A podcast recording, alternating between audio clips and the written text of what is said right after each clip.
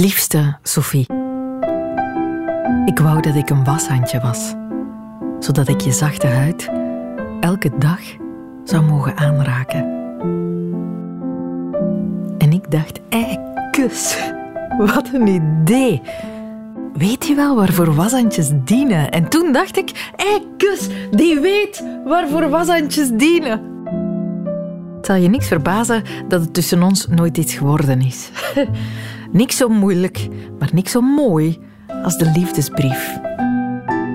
Laat het ons daar eens over hebben. Welkom in de wereld van Sophie.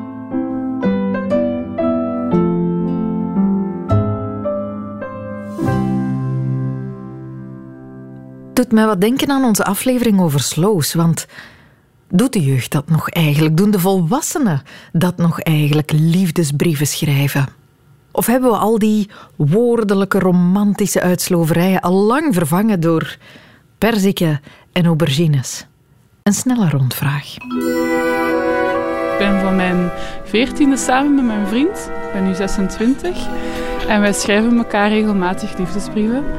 Zeker vroeger nog meer, als we zo ver van elkaar woonden. Maar nu dat we samen wonen, doen we dat nog wel eens om elkaar te verrassen. Meestal op de achterkant van een kaartje of zo. Vroeger, als we echt jong waren, 16, dan schreven wij hele epistels via sms naar elkaar. Maar eigenlijk nu dat we ouder zijn, schrijven we op papier. Dus eigenlijk is dat wel grappig dat, dat we daar naar terugkeren. Uh, ja, ik heb dat gedaan heel lang geleden. Hè. Voor mijn eerste lief en voor mijn tweede lief en voor mijn derde lief die mijn vrouw werd. En wij, ik woonde in Gent en zij woonde in Wolvertem. Dus we zagen elkaar niet elke dag. Hè. Dus ik schreef twee keer per week een liefdesbrief toen. Ik schreef die nooit meer. Ik ben ondertussen ook gescheiden dus. Nee, ik ben, ik, nogthans, ik ben oud genoeg om nog liefdesbrieven geschreven te hebben. Ik weet dat dat nu tegenwoordig niet meer gebeurt, maar ik heb dat eigenlijk nooit gedaan. Nee, en ik weet eigenlijk niet waarom. Ik heb geen enkele liefdesbrief, nee. Hij ook niet van mij. Jawel, af en toe een kaartje. Ik, ja, af en toe een keer een kaartje dat beschrijven naar elkaar. Dat wel een leuk kaartje. Dat, dat willen we wel van elkaar. Zo'n keer een kattenbelletje. Als we dus, uh, ja, soms gaan we uh, onverwachts weg moeten en dan schrijven we een piepklein leuk briefje naar elkaar. Maar dat zijn één of twee toffe zinnetjes dat we schrijven. En uh, daar hebben we nog wel een hoofd van in een doos zitten, ja. Zeker, ja, dat wel. Ja, want we hebben ook een aantal boeken waar we dan een boodschap voor elkaar inschrijven. Hij koopt vaak boeken voor mij. Ik lees heel graag en dan schrijft hem daar iets, iets in. Ja, dat hebben we ook. Dat is juist. Ja, ja dus toch wel meer dan, dan ik denk. ja. Jazeker, ik heb uh, wel eens liefdesbrieven geschreven. Maar dat is lang geleden. Ik deed dat met de hand. Ik weet niet of ze dat tegenwoordig nog doen. Maar uh, ja, ik heb er wel eens geschreven. Ja. Zou je ze nog vinden? Nee. Ah nee, ik heb ze opgestuurd. Dus ik heb ze niet meer liggen. Geen ontvangen dan? Uh, toch wel, maar die heb ik helaas niet meer. Zoveel verhuizen later zijn die verdwenen. Wat wel is, ik heb uh, onlangs is mijn vader gestorven. En toen bij het opruimen uh, hebben we liefdesbrieven gevonden van mijn moeder aan mijn vader en terug toen hij in het leger zat. En toen kon men dus gratis brieven sturen naar militairen die de dienstplicht deden. En dus elke dag, dus vijf dagen per week, schreven die elkaar. Dus die hadden ja, dus vijf brieven per week, reken maar uit. Dat was toen uh, eh, 18 maanden, de dienstplicht. Dat was een hele koffer vol. En uh, ze hadden die nog. En mijn mama heeft dan gezegd, ja, doe ze nu maar weg. Ze heeft ze nog eens bekeken en heeft ze gevraagd om ze weg te doen, maar niet bij het papier. We moesten ze of verbranden of versnipperen.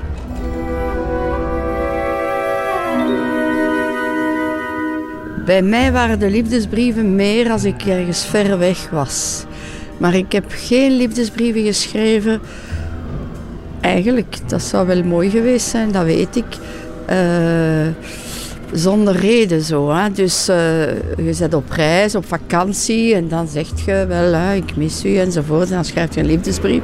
Maar het kan ook uh, dat je een brief schrijft. Zelf al zie je elkaar de volgende dag. Dat dat is wel heel leuk. Maar dat heb ik niet veel... Of, ik herinner me niet dat ik dat gedaan heb. Ja, liefst eh, puntje, puntje, puntje. En dan, ja, weet ik veel, een verklaring van liefde. Ik hou van jou. Zoiets. Het is lang geleden, dus Het is iets dat hoort bij het begin van een relatie? Of het is, ja, ik denk het wel. Ja, dat is echt, dat is juist de verliefdheid, hè. Dat is leuk.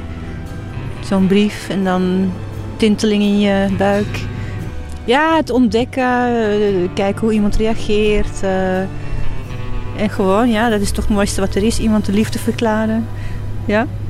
En als hij er eenmaal is, dan weet je dat ik heb hem. En dan moet dat niet meer op papier. Nee, dat hoeft niet meer op papier. Nee, dat weet ik zo ook wel. Dat zie je aan een blik, dat zie je aan, aan dat weet je gewoon, dat voel je. Ja. ja. Een liefdesbrief, dat is wel iets dat heel erg geladen is. Zo, hè. Dat is wel, daar zit heel, heel veel in, tussen de lettertjes en zo. Ik heb er nog een paar teruggevonden over het laatst. Eigenlijk wel heel tof. Ja, Ah, dus je heeft ze wel bijgehouden. Ja, ja, ja alleszins. Ja, ja, dat, ja, dat- is iets van diep emoties en dat is wel... Ja, daar zit van alles in, dat is eigenlijk wel heel tof. Er zit een hele jeugd in verpakt gewoon. Hè. En dromen en wensen en, en, en ja, en ook zien beperkingen en, en, en Zou je ze nog terugvinden, die brieven? Ik zou ze nog terugvinden, want ik heb ze ook in een mooie doos bewaard. En elke verhuis gaan ze mee. Maar ik heb ze wel niet meer herlezen. Dat is iets wat ik misschien nog wel eens zou moeten doen. Ik breng u op ideeën. Mhm, Ja, absoluut. Zou je nog schrijven?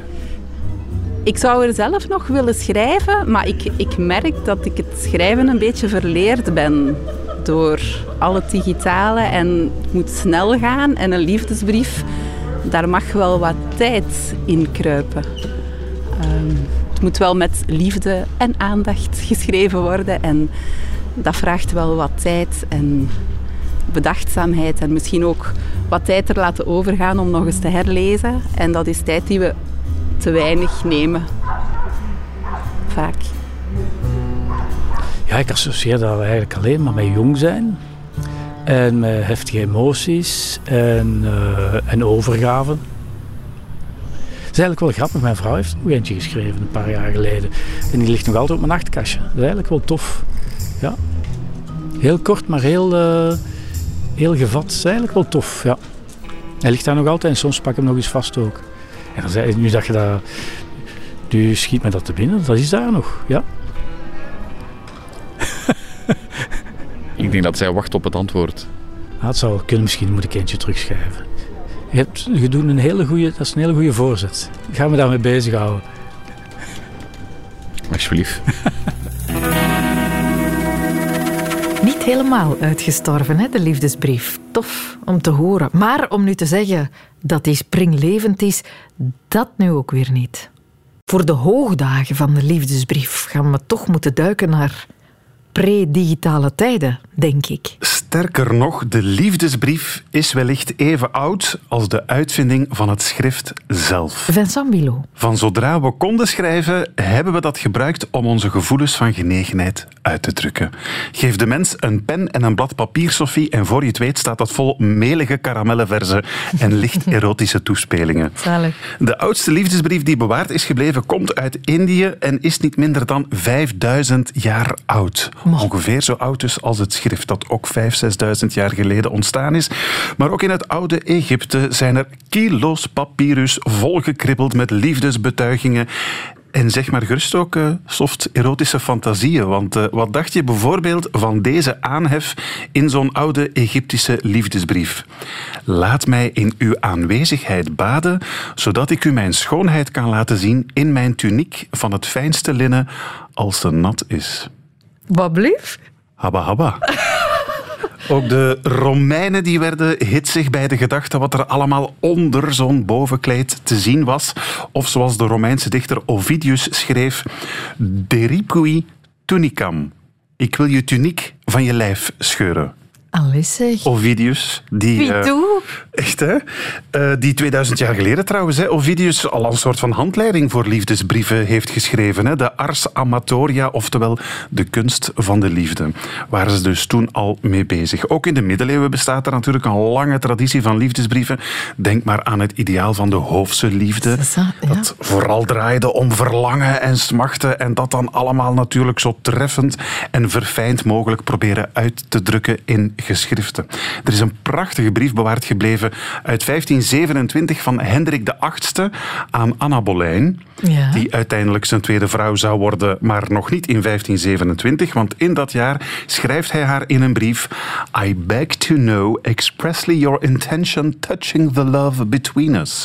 Ik vraag u uitdrukkelijk te weten wat uw bedoeling is met betrekking tot de liefde tussen ons. De noodzaak dwingt mij dit antwoord te krijgen. Having been more than year wounded by the dart of love. Aangezien ik nu al meer dan een jaar gewond ben door de pijl van de liefde. En aangezien ik nog altijd niet weet of ik al dan niet een plaats in uw genegenheid kan vinden. Henry. Hela. Van Napoleon is ook geweten dat hij tijdens zijn eh, militaire campagnes ver weg van huis smachtende brieven schreef aan zijn eh, Josephine. Maar eh, Napoleon zou Napoleon natuurlijk niet zijn, Sophie, als hij ook niet subtiel zichzelf zou bestoeven in die brieven. Ah, ja? Zoals in deze eh, brief aan Josephine uit 1796 bijvoorbeeld. Je n'ai pas passé un jour sans t'écrire. Je n'ai pas passé une nuit dans, sans te serrer entre mes bras. Er is geen dag voorbij gegaan zonder dat ik jou geschreven heb. Ik heb geen nacht doorgebracht zonder je in mijn armen te houden. Kijk eens hoe flink ik aan jou gedacht heb. Is hier natuurlijk de subtekst. En er volgt nog meer borstklopperij. Ik heb nog geen kopje thee gedronken zonder de glorie en ambitie te vervloeken die mij weghouden van mijn geliefde mon adorable Josephine. Dus in één zin die eigenlijk over haar zou moeten gaan, toch even zijn eigen glorie en ambitie aanstippen. Napoleon kan dat. Ja, wel, kijk, je bent hem of je bent hem niet. En er is nog zo'n zinnetje trouwens dat vaak geciteerd wordt uit Napoleons liefdesbrieven aan Josephine. Een eh, zin die hij geschreven zou hebben vlak voor hij na zo'n veldslag weer naar huis zou terugkeren. Namelijk, ne te lave pas chérie, j'arrive. Stop maar met je te wassen, liefste. Ik, kom eraan. Een zin die dus zou moeten illustreren dat Napoleon zijn vrouwen eh, graag puur en ongewassen had. Maar het is toch onduidelijk of die zin eigenlijk wel aan hem kan worden toegeschreven. Er is wel nog een staatsman van wie de liefdescorrespondentie met zijn vrouw heel goed bewaard is gebleven. En dat is die tussen Winston Churchill en zijn vrouw Clementine. Eh, tijdens hun 56 jaar huwelijk, Sophie, schreven ze elkaar elke dag dat ze niet samen waren. En dat waren er veel. Eh, het zijn heel vertederende brieven trouwens. Churchill die spreekt zijn vrouw in elke brief aan met Darling Clemmy. Oh. En eh, ze hadden ook allebei een terugkerend koosnaampje, want Churchill noemde haar altijd zijn liefste cat, zijn kat of zijn poesje. Eh, zij noemt hem haar pug of haar mopshond. Wat begrijpelijk is, aangezien de fysieke overeenkomst.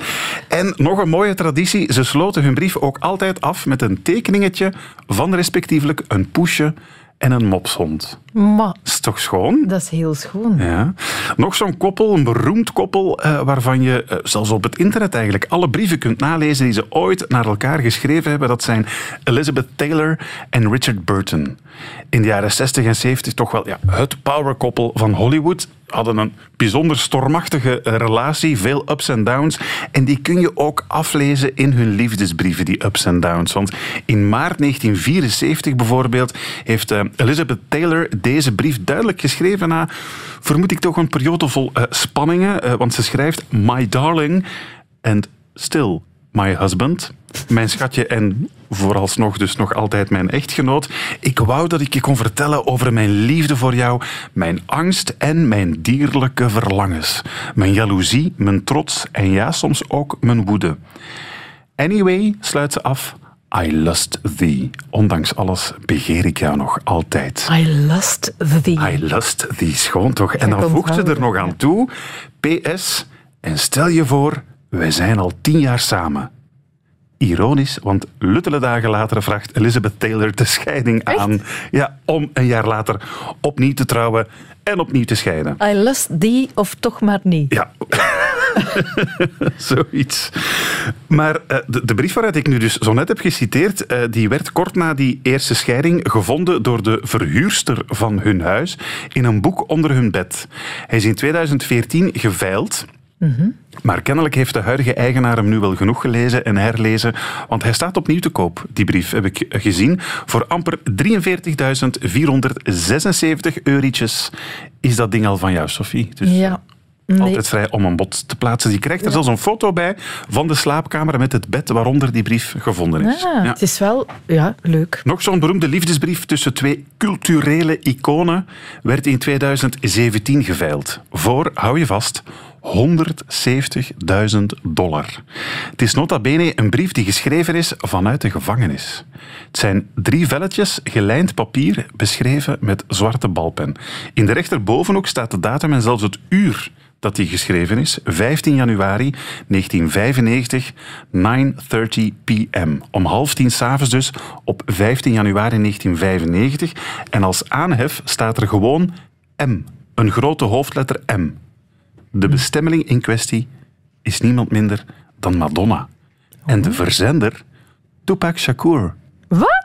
Tupac Shakur, oftewel Tupac, de Amerikaanse rapper. Tupac en Madonna die hebben op dat moment, in 1995, een geheime relatie.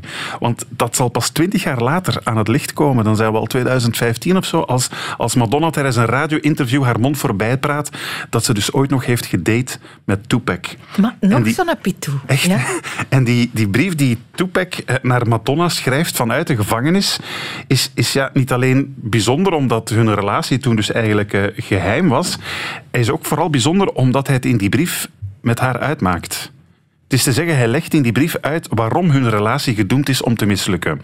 Please understand my position as that of a young man with limited experience with an extremely famous sex symbol. Dus je moet begrijpen, schrijft hij, dat ik een jonge gast ben met weinig ervaring en jij een wereldberoemd sekssymbool. maar ja, wie heeft er nu wel veel ervaring met een wereldberoemd sekssymbool? Uh, laten we dat in het midden houden. Um, maar dus daarna, dat, daar, daarna wordt het eigenlijk pijnlijk, want daarna beschrijft hij hoe vooral ook hun leeftijd en hun huidskleur hun relatie parten speelt. Ik citeer nu even, ik wil het niet dramatiseren, maar de effecten van racisme maken nog altijd dat een jonge zwarte man nog altijd zijn affectie niet mag tonen voor een oudere witte vrouw. Oh. En nog een passage die de bewuste brief van Tupac aan Madonna zo bijzonder maakt, is, is deze waarschuwing die hij aan haar geeft. Dus Tupac aan Madonna. Please be careful, Madonna. Niet iedereen is even eerbaar als ze lijken. Er zijn er wiens hart bloedt van afgunst en niet aarzelen om je kwaad te brokkenen. Laat de vijf kogels in mijn lijf daar het bewijs van zijn. Tupac verwijst daarmee naar de drive-by shooting die hij kort daarvoor overleefd heeft. Alleen, zoals we allemaal weten, anderhalf jaar na deze brief toen uh, Tupac opnieuw op vrije voeten was, werd hij in Las Vegas nog eens onder vuur genomen en dit keer dus wel fataal. Maar alleen, waarom is er nog geen film over gemaakt? Die zijn ongetwijfeld in de maak. Maar om af te sluiten, Sophie, heb ik toch een liefdesbrief meegebracht die uh, ja, een, uh, een, jaar of vijf geleden tijdens een online poll nog verkozen werd tot de mooiste liefdesbrief aller tijden. Okay. Het is er een van de Amerikaanse countrylegende Johnny Cash mm -hmm. aan zijn vrouw June Carter. Ook zij hebben, net als eh, Elizabeth Taylor en, en um, Richard Burton, een, een heel bewogen huwelijk gehad. Vooral omdat Johnny het nogal bond durfde te maken in de drank- en drugsafdeling, laten we zeggen. Maar in 1994, want uit dat jaar stamt die brief, in 1994 is hij natuurlijk al een beetje zijn wilde haren kwijt. Wanneer hij haar dus echt een prachtige liefdesbrief schrijft voor haar 65ste verjaardag. Happy birthday, princess. Zo luidt de aanhef. We get old and get used to each other. We worden wat ouder en we raken misschien wat aan elkaar gewoon. We kunnen mekaars gedachten lezen, schrijft hij. Oké, soms ergeren we elkaar ook een beetje. And sometimes we, we take each other for granted. Soms beschouwen we ons liefde misschien als iets vanzelfsprekends. Maar als ik er wat dieper over nadenk, schrijft Johnny, zoals op deze dag, dan besef ik hoeveel geluk ik heb dat ik mijn leven mag delen met the greatest woman I ever met. You still fascinate and inspire me. You influence me for the better. You're the object of my desire, the number one earthly reason for my existence. I love you very much. Je bent de allerbelangrijkste reden voor mijn bestaan, schatje. Ik zie je zo graag. En nog eens, happy birthday, princess. John. You are the rose of my heart. You are the love of my life. A flower not faded nor falling apart. If you're cool, let my love make you warm. Rose of my heart. Johnny Cash, niet alleen een heel goede songschrijver, blijkbaar dus ook een goede liefdesbriefschrijver. Maar wat maakt dat nu eigenlijk zo goed? Wat is een goede liefdesbrief? Daarvoor heb ik Lara Taverna opgebeld. Zij is auteur van onder meer Pluto, Kinderen van Calais. Ze is ook docent schrijven. Een van de twee stadschrijvers van Brugge. Maar ze is ook een enorme liefhebber van de liefdesbrief. Dat klopt, ja. Al ben ik, dat moet ik heel eerlijk vertellen, ook al een tijdje afgekikt. Um, maar het is wel... Er ik, moest... gebruik wel het, ja. ik gebruik wel echt het woordje afgekikt, uh, omdat ik echt wel heel veel liefdesbrieven heb geschreven. En dat het er heel veel zijn, daar ben ik achtergekomen uh, toen ik bezig was aan mijn tweede roman. Um, en ik was een gedachte aan het uitschrijven en ik dacht, oh, ik heb dat ooit heel mooi verwoord in een liefdesbrief naar een oud lief. Mm -hmm. En ik dacht, ja, dat is de ideale gelegenheid om die nog een keer op te bellen en af te spreken en dan vragen, breng die brieven mee en dan kan ik die passage gebruiken. Dus we deden dat. We spraken af op café. Ik had die lang niet gezien. Die was heel veel veranderd, want ik vond dat heel grappig. Die droeg een maatpak plotseling. Terwijl daarvoor was dat zo'n slodderige hippie. Maar wat nog raarder was, in combinatie met dat maatpak droeg die een hele grote trekkersrugzak. Zo echt model tot boven je hoofd, waarmee dat je zo drie weken in de wildernis kunt overleven. Ja. En ik dacht, wel zo bizar, ja. Maar goed, ik stelde me daar geen vragen over. Hij had nog We plannen. zitten heel de avond te vertellen. Ja, ik dacht, dat gaat nog weg. En op het einde van de avond vraag ik, heb je nu die brief meegebracht? En ik had me dat helemaal gevisualiseerd. Die gaat zo uit zijn binnenzak zo'n stapeltje brieven halen, zo gelijk in de films met een touwtje eromheen. Maar op dat moment werd dus die trekkersrugzak erbij gehaald. En die zat dus tot de nok vol met brieven van mij. Maar dus niet slordig daarin gepropt, maar echt heel mooi in twee stapels op elkaar. Wow. En dan bedacht ik wel, ja, dat schrijven dat is altijd obsessief geweest. Niet alleen als schrijver aan een boek, maar ook vroeger naar lieven toe. Dat was um, ja, een beetje bezeten bijna. Ja, ja. ja, dat moeten honderden brieven geweest zijn naar die Ja. enige liefde van toen. Ja. En ja. zijn er nog geliefdes geweest? Ja, er zijn, er zijn er meerdere gepasseerd.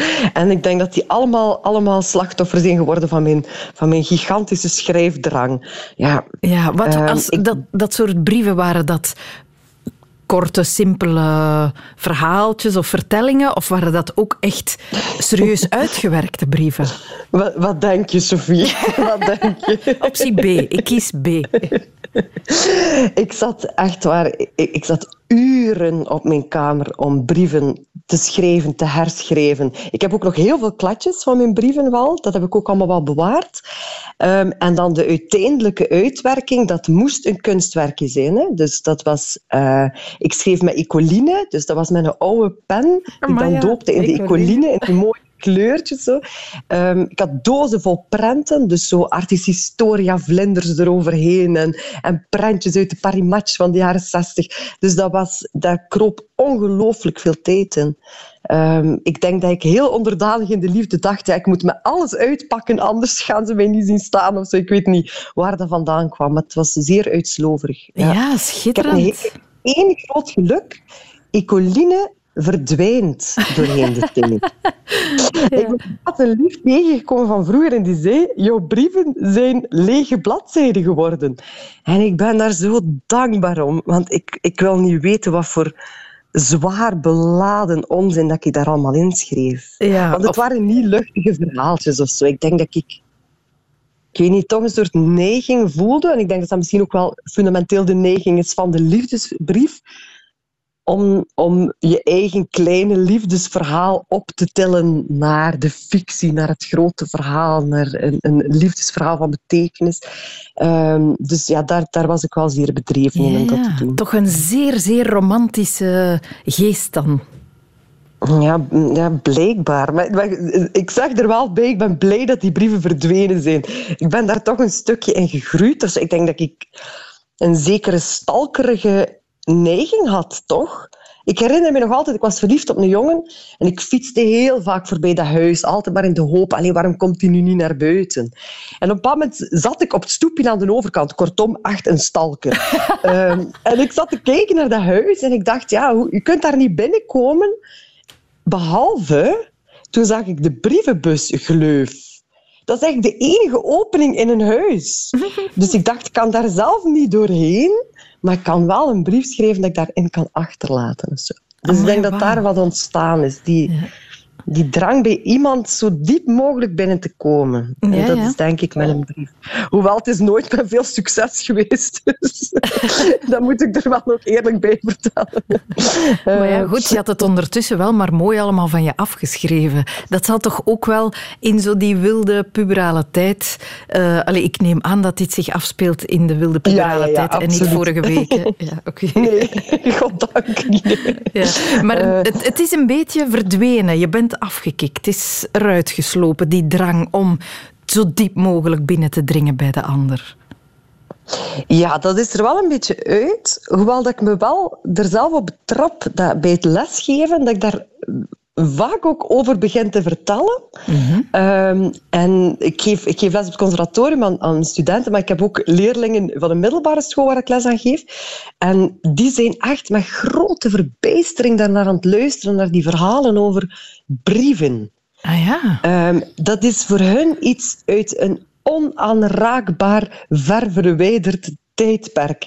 Iets tastbaars als een brief wat je vast kunt houden. Als ik dan vertel dat wij dat inderdaad ook parfumeerden, dat is voor hen ondenkbaar. Um, en wat wel heel mooi is, er zijn daar een aantal die dat nu ook doen. En um, ze beschrijven dat ook, dat dat voor hen een heel, van heel grote betekenis is, omdat er iets gebeurt als een vertraging of een verstilling. En dat is iets wat ze niet goed meer kennen. Mm -hmm. En wat zij nog het meest bijzonder vinden, en dat is iets wat ik zelf ook vergeten was daarbij, dat is het wachten op een antwoord. Ja. Dat is iets wat zij niet meer kennen. Ja, ze sturen een bericht en binnen de vijf minuten is er altijd een antwoord. Of ze kunnen tenminste zien, het is gelezen. Hè. Um, dus, dus het op de bus gaan doen, het wachten op een antwoord, wat eigenlijk die liefde en dat verlangen ook nog een stukje aanwakkert. Hè. Mm -hmm. um, ja, ik vind dat eigenlijk ook een heel mooi onderdeel daarvan. Ja, ja. Dat verlangen uitstellen van komt er een antwoord. Ik weet nog, mijn zus en ik, we waren altijd verliefd. Dat was echt s ochtends naar beneden gaan en hopen dat de post er al was voordat we naar school vertrokken. Want vaak was dat dan een hele dag op school wachten van oh nee, die brief gaat daar al zijn. En mama gaat die al gevonden hebben. Zo, zo dat soort bizar stress. ja, dat kan ik me eigenlijk bijna niet meer, niet meer indenken. Maar oh. wel iets moois. Ja, ja maar ik word er uh, helemaal gelukkig van. Van zo die inderdaad die herinneringen die worden opgeroepen aan zo die spannende... Je kon bijna geen adem krijgen tijd af ja, en toe. Hè? Ja, ja, dat is echt zo. Ja. Uh, wat wij ook deden, en dat vinden mijn leerlingen, dat gaan ze zeker ook doen. Ik zag hun oogjes blinken. Dat was zo brieven in elkaar spaken vaststeken met een wasknijper. En dan fietst je dus weg van school en dan zo rikke tik tik dat geluid van die tikkende brief. Uh -huh. En dan je moest je stoppen die brief daaruit halen. En ja, dat was wel, ja, ik vond dat wel, dat waren eigenlijk hele mooie cadeautjes. Hè. Je moest daar ja. Je moest daar veel voor over hebben. Hè? Dat zijn de beste, de onverwachte liefdesbrief, die plots ja. in ja. je zak blijkt te zitten of zoiets. Uh, dat is zeker een belangrijk aspect. Wat vind je zo nog als het gaat over een goede liefdesbrief? Wat hoort een goede liefdesbrief te bevatten of te tonen? Ik, ik, denk dat ik zelf afknapte op uh, liefdesbrieven die een soort uh, klachtenbus waren. Uh, waarin dat uh, jongens vooral heel veel uh, hun beklag deden of hun ongeluk wilden uiten.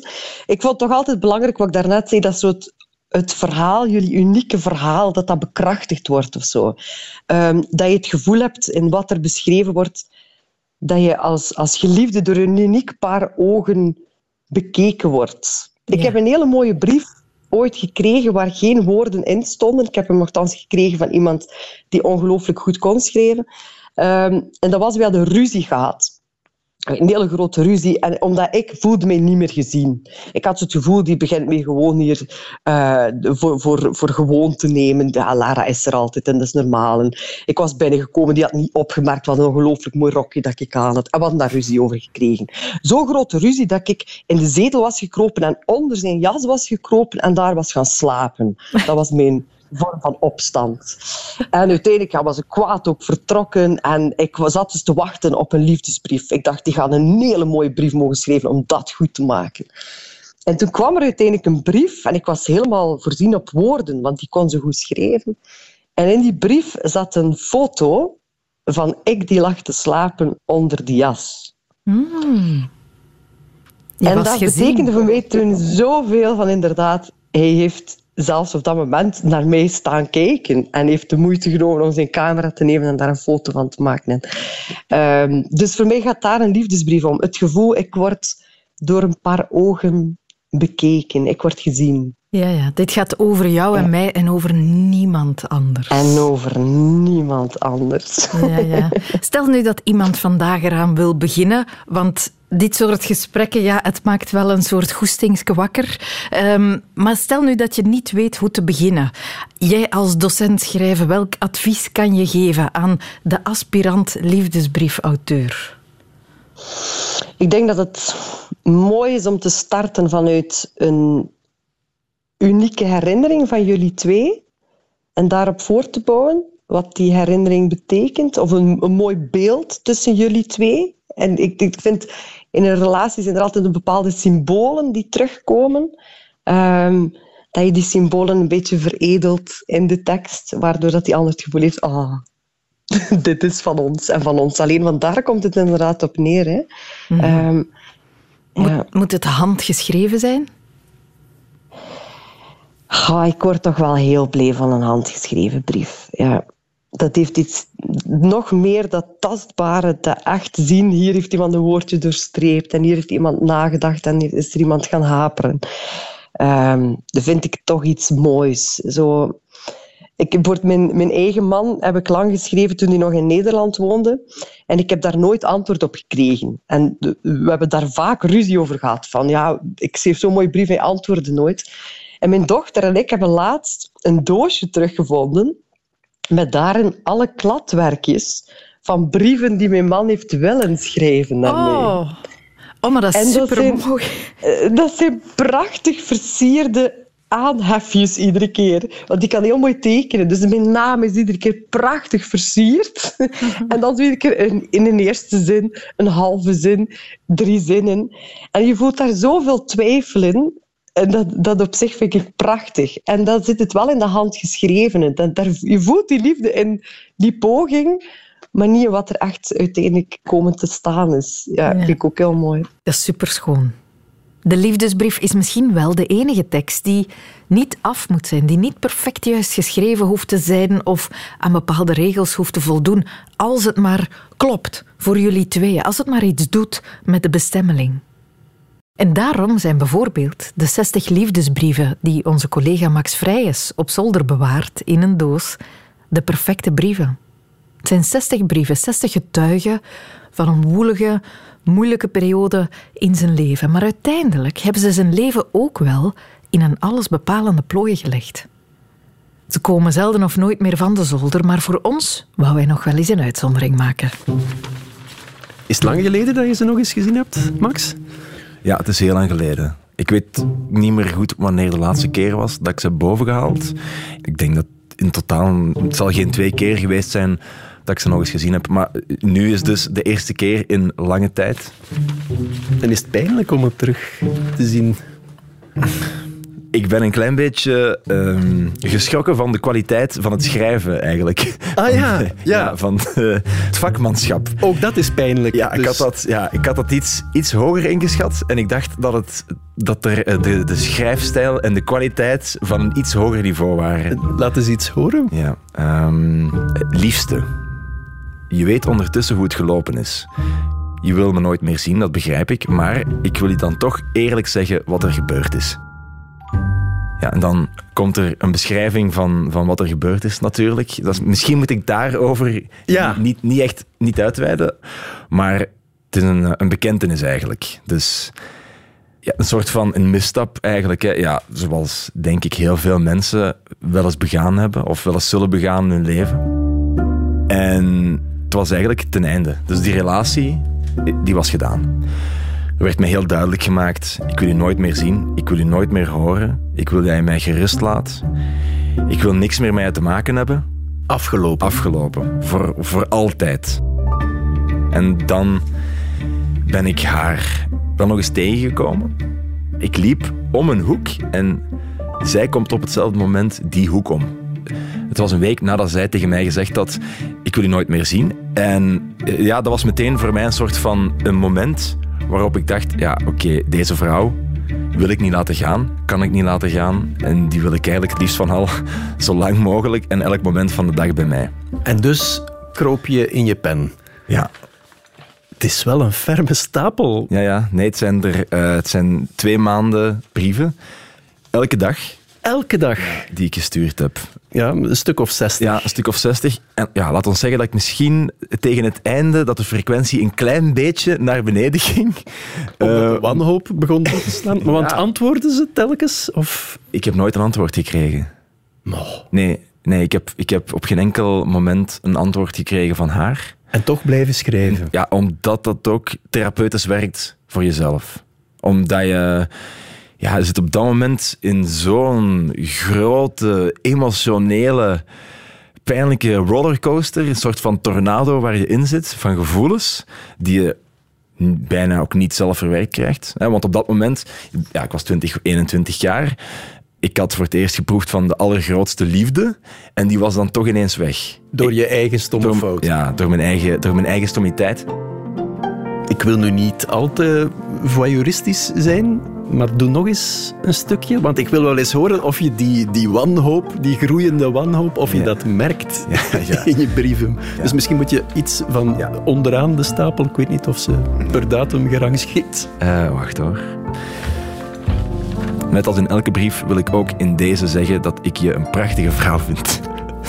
Dat je alle geluk verdient en dat ik hoop dat je dit alles kan verwerken. Het zal niet makkelijk zijn, maar ik wil je helpen waar ik kan. Zo Eh, smachtend, Max. Het is smachtend, hè. ik weet het. Het is, ja, het is een beetje vervelend om voor te lezen. Ja. Ik, ik zou willen zeggen, ik krijg er plaatsvervangende schaamte van, maar ja, het is, het is mijn eigen schaamte. Tracht het uit je hoofd te zetten. Ik zal sowieso constant aan je denken en ik beloof je dat ik op je zal wachten, wat je ook beslist. Eh, ja. Het beste voel ik me als ik bij jou ben. Eh, enzovoort en zo verder. Deze is van op vakantie met mijn ouders. Ja, ik mis je natuurlijk. Dat is elke dag zoals je niet bij me bent. Enzovoort en zo verder. Jij vervolledigt me, zie ik hier ook staan. En dan maak ik eh, een kleine allusie op de, de omgeving. De Zwitserse Alpen zijn inspirerend wondermooi. Maar in de verste verte niet zo mooi als jij. Jij- en nu, jij bent mijn bloempje in de bergzon. Hoog boven de alledaagse beslommeringen van het bestaan. Ik zou duizend skivakanties inruilen om je terug gelukkig te maken en bij jou te zijn. En daar kreeg jij dus geen antwoord op, Max. Dat snap je niet eigenlijk, hè? Nee. Dat, eh, dat- als je, ik laat wel duidelijk merken, denk ik, dat, dat, dat de liefde was echt enorm groot. En eh, ik heb het ook heel lang volgehouden ehm, om die brieven te sturen. Ik heb na een maand of zo, denk ik wel, een berichtje gekregen van haar. Eh, ze brak. Ik zal het zo zeggen. Dus ik denk, ik denk dat er dan een, soort- was een soort van toenadering dan.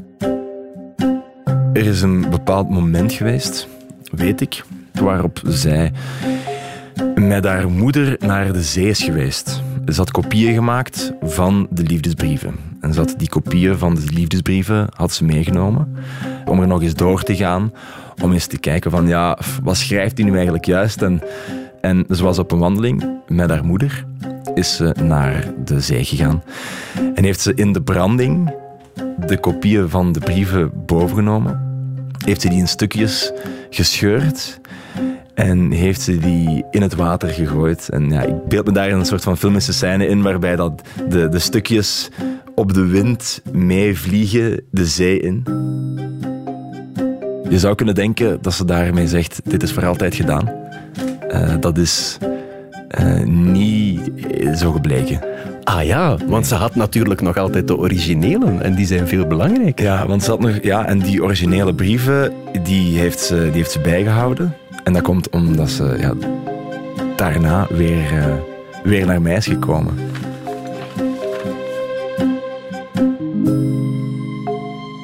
Tot in de treuren heb ik wat ik in de brieven gezet heb ook nog eens in levende lijven verteld. Maar dat heb ik ook met evenveel plezier gedaan, want ook dat was weer een soort van manier om om te gaan met die emoties en met wat er allemaal gebeurd was. We hebben heel veel gepraat na de, na de smachtende brieven. En we zijn dan daarna ook weer een koppel geworden.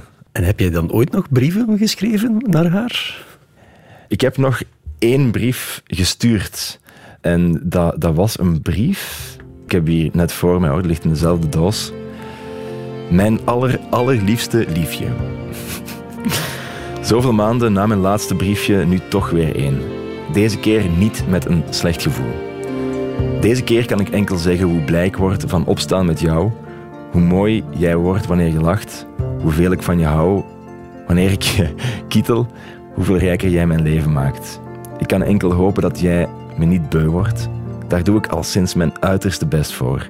Schat, geloof in jezelf evenveel als ik in jou geloof, want dat doe ik met mijn hele hart. Je kapoen. Ja. Ja, dat is een soort van uh, afsluitende brief. Voilà, en ehm, ja, we zijn nu dus tien jaar verder, na die laatste brief. En uh, we zijn ondertussen twee jaar getrouwd.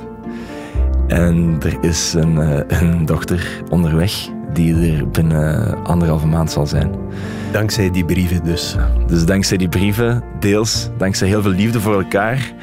Uh, en ja, eindgoed, uh, alle goed.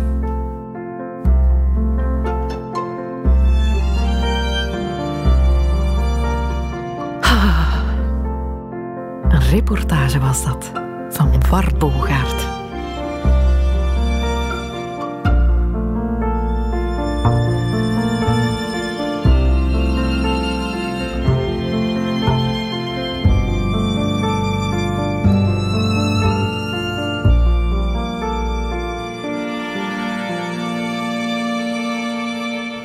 Max koos voor de klassieke liefdesbrief en de uithoudingsstrategie. Maar ieder vogeltje zingt zoals het gebekt is natuurlijk. Ieder schrijft in de taal die hij of zij machtig is. In het geval van de Oostenrijkse componist Gustav Mahler was die taal de muziek.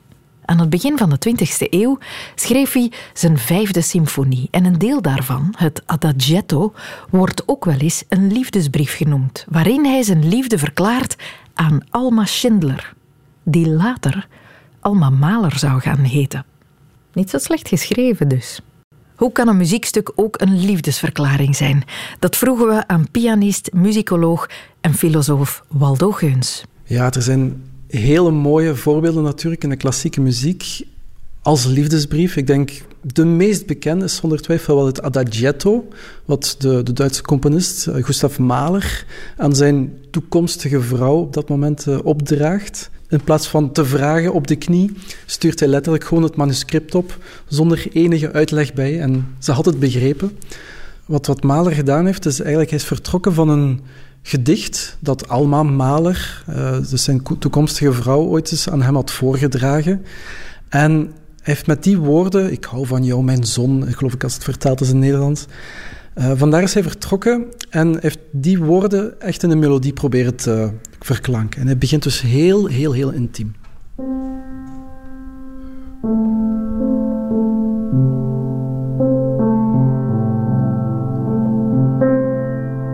Uh, het moet echt helemaal openbloeien natuurlijk, maar wat hij heeft willen doen is heel nostalgisch, heel verlangende muziek schrijven eigenlijk.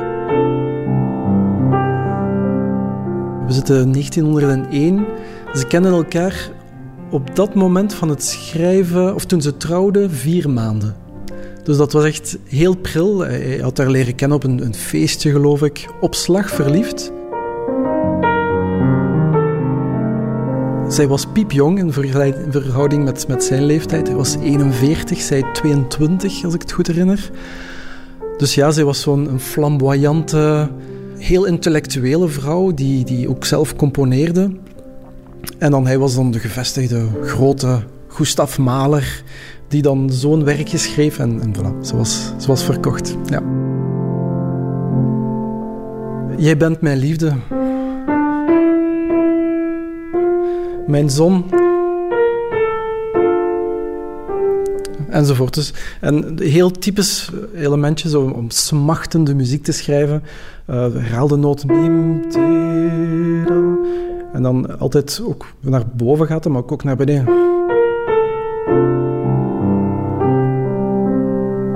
Enzovoort. Dus een heel typisch elementjes om smachtende muziek te schrijven, maar hij heeft er nu zo'n een heel stukje van vol geschreven, laten we zeggen. Heel typisch voor, voor die muziek van Mahler is dat, uh, ik al zei, het is een heel intiem begin. Hè. Je voelt het smachten en je voelt letterlijk die passie opborrelen tot, tot ja, enorme, grootse ontboezemingen. Hè. Letterlijk die, die liefdesverklaring waar zoveel emotie bij komt kijken, dat hoort je dus ook in die muziek. Ja, het bouwt hier op een gegeven moment op terug naar zo'n heel groot hoogtepunt. De melodie van het begin komt terug.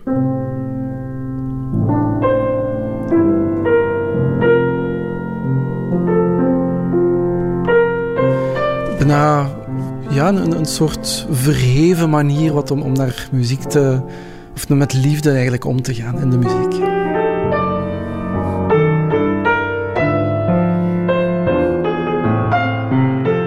Maar je gebruikt hier ook niet een, een heel reusachtig orkest voor. Het zijn enkel de strijkers en een harp. Dus dat betekent heel intieme bezetting, heel subtiel allemaal.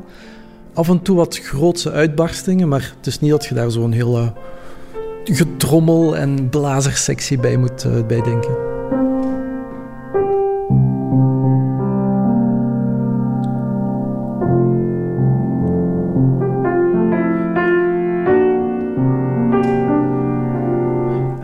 bouwt het terug, uh, terug verder op. Terug naar de volgende passionele uitbarstingen. Dus muziek die echt uh, heel passioneel is en, en eigenlijk vanuit die hele diepte vertrekt en dan in een heel hoog register zo ja, het hemelse terechtkomt eigenlijk.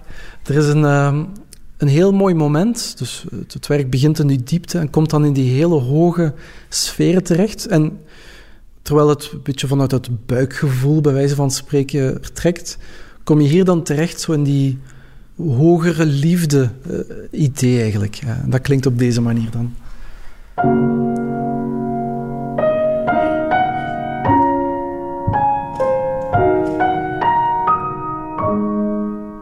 is vrij uitzonderlijk dat Mahler met de liefde bezig is. Um, in, die zin, een, een, symfonie van hem heeft er, heeft er heel wat geschreven. En heel vaak zegt hij, een symfonie dat moet de wereld uitbeelden. Dat gaat over Bijvoorbeeld zijn eerste symfonie gaat over een held die eerst allerlei tegenspoed moet meemaken om uiteindelijk dan in de hemel, in de paradijs terecht te komen. En het gaat over een soort ja, grootste eh, theorieën en, en, en thema's die daarin voorkomen. Maar hier is dat eigenlijk echt een, een, onverwachte muze die in zijn leven opduikt. En hij propt letterlijk dat ene werkje tussen de andere delen van zijn symfonie.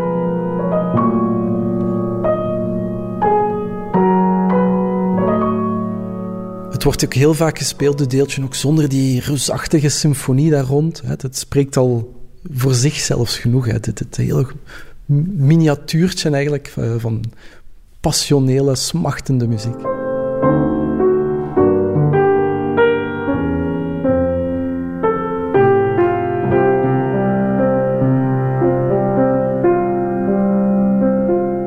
Het, het verhaal is eigenlijk van, van deze liefdesbrief is echt de wereld ingegaan dankzij de, een dirigent, Mingelberg. En die heeft op zijn exemplaar van de partituur in der tijd geschreven: Dit is Malers liefdesbrief aan Alma. Ze hebben het mij zelf verteld. In plaats van het te vragen, uh, heeft hij enkel dit manuscript opgestuurd. En ze heeft ja geschreven. Schrijft de dirigent op de partituur zelf. En daar is eigenlijk dat heel verhaal mee begonnen eigenlijk. Dus het is niet dat Maler dat eigenlijk rondverkondigd heeft van kijk eens beste mensen, dit is nu mijn liefdesverklaring. Dus dat was iets tussen hem en, en, uh, en Alma Maler.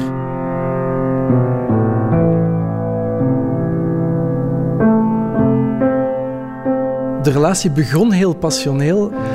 Enkel had Malerik toch wel een, een heel conservatieve uh, visie eigenlijk op huwelijk. Uh, dus Alma Malerik, ik zei het al, ze was componiste, heel intellectuele vrouw, maar ik moet op een gegeven moment tegen haar gezegd hebben: in dit huishouden is er maar één componist.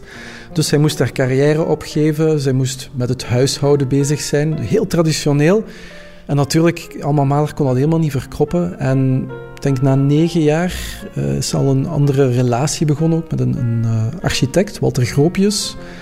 Maler is dat dan te weten gekomen en heeft het geprobeerd nog goed te maken, maar hij is eigenlijk heel onverwacht vrij vroeg gestorven. En voordat hij het eigenlijk goed kon maken, zijn de misstap door haar muziek uit te geven, door muziek te spelen van haar op optredens, onver, overlijdt hij onverwacht. Dus uh, hij heeft het net niet goed kunnen maken met zijn geliefde.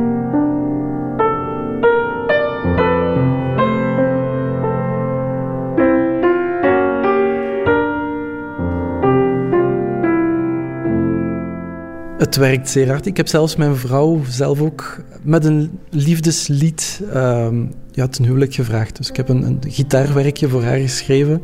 Ja, dus het werkt. ik kan het volmondig beamen. Maar ik denk dat het toont dat...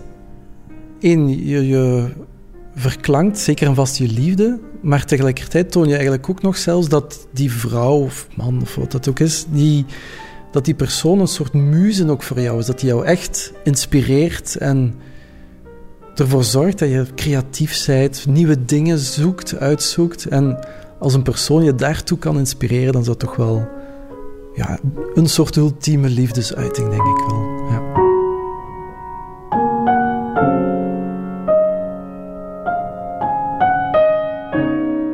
Maar het is in elk geval heel mooi te zien hoe, hoe hij als, als componist van enorme reusachtige werken. Zo'n symfonie, dat is gemakkelijk 40, 50 minuten. Uh, die thema's daarin zijn altijd heel verheven en grootse, bovenmenselijke thema's, bij wijze van spreken. En dan kom je daar de, de liefde van je leven tegen en plots is hij dan zo in staat zijn, zijn hele filosofie wat van, van zijn werken even los te laten en ja, een van zijn aller, aller, allerbekendste werken ooit te schrijven. Dus dat vind ik wel heel knap hoe hij uh, op dat punt, op dat moment, heel eventjes toch voor de liefde volledig, volledig kan, kan kiezen.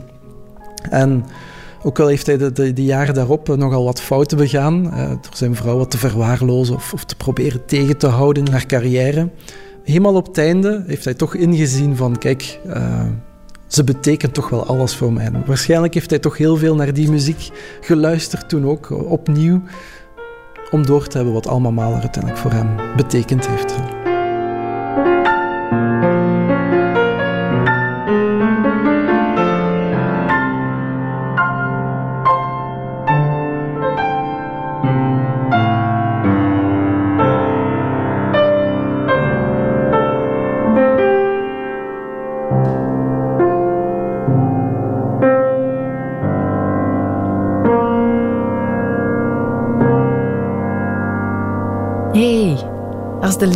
Liefdesbrief jou niet ligt, dan schrijf je toch gewoon een 50 minuten durende symfonie. Alles is goed als het maar resoneert en als het maar geen vergelijkingen zijn met washandjes, jongens. Eikes.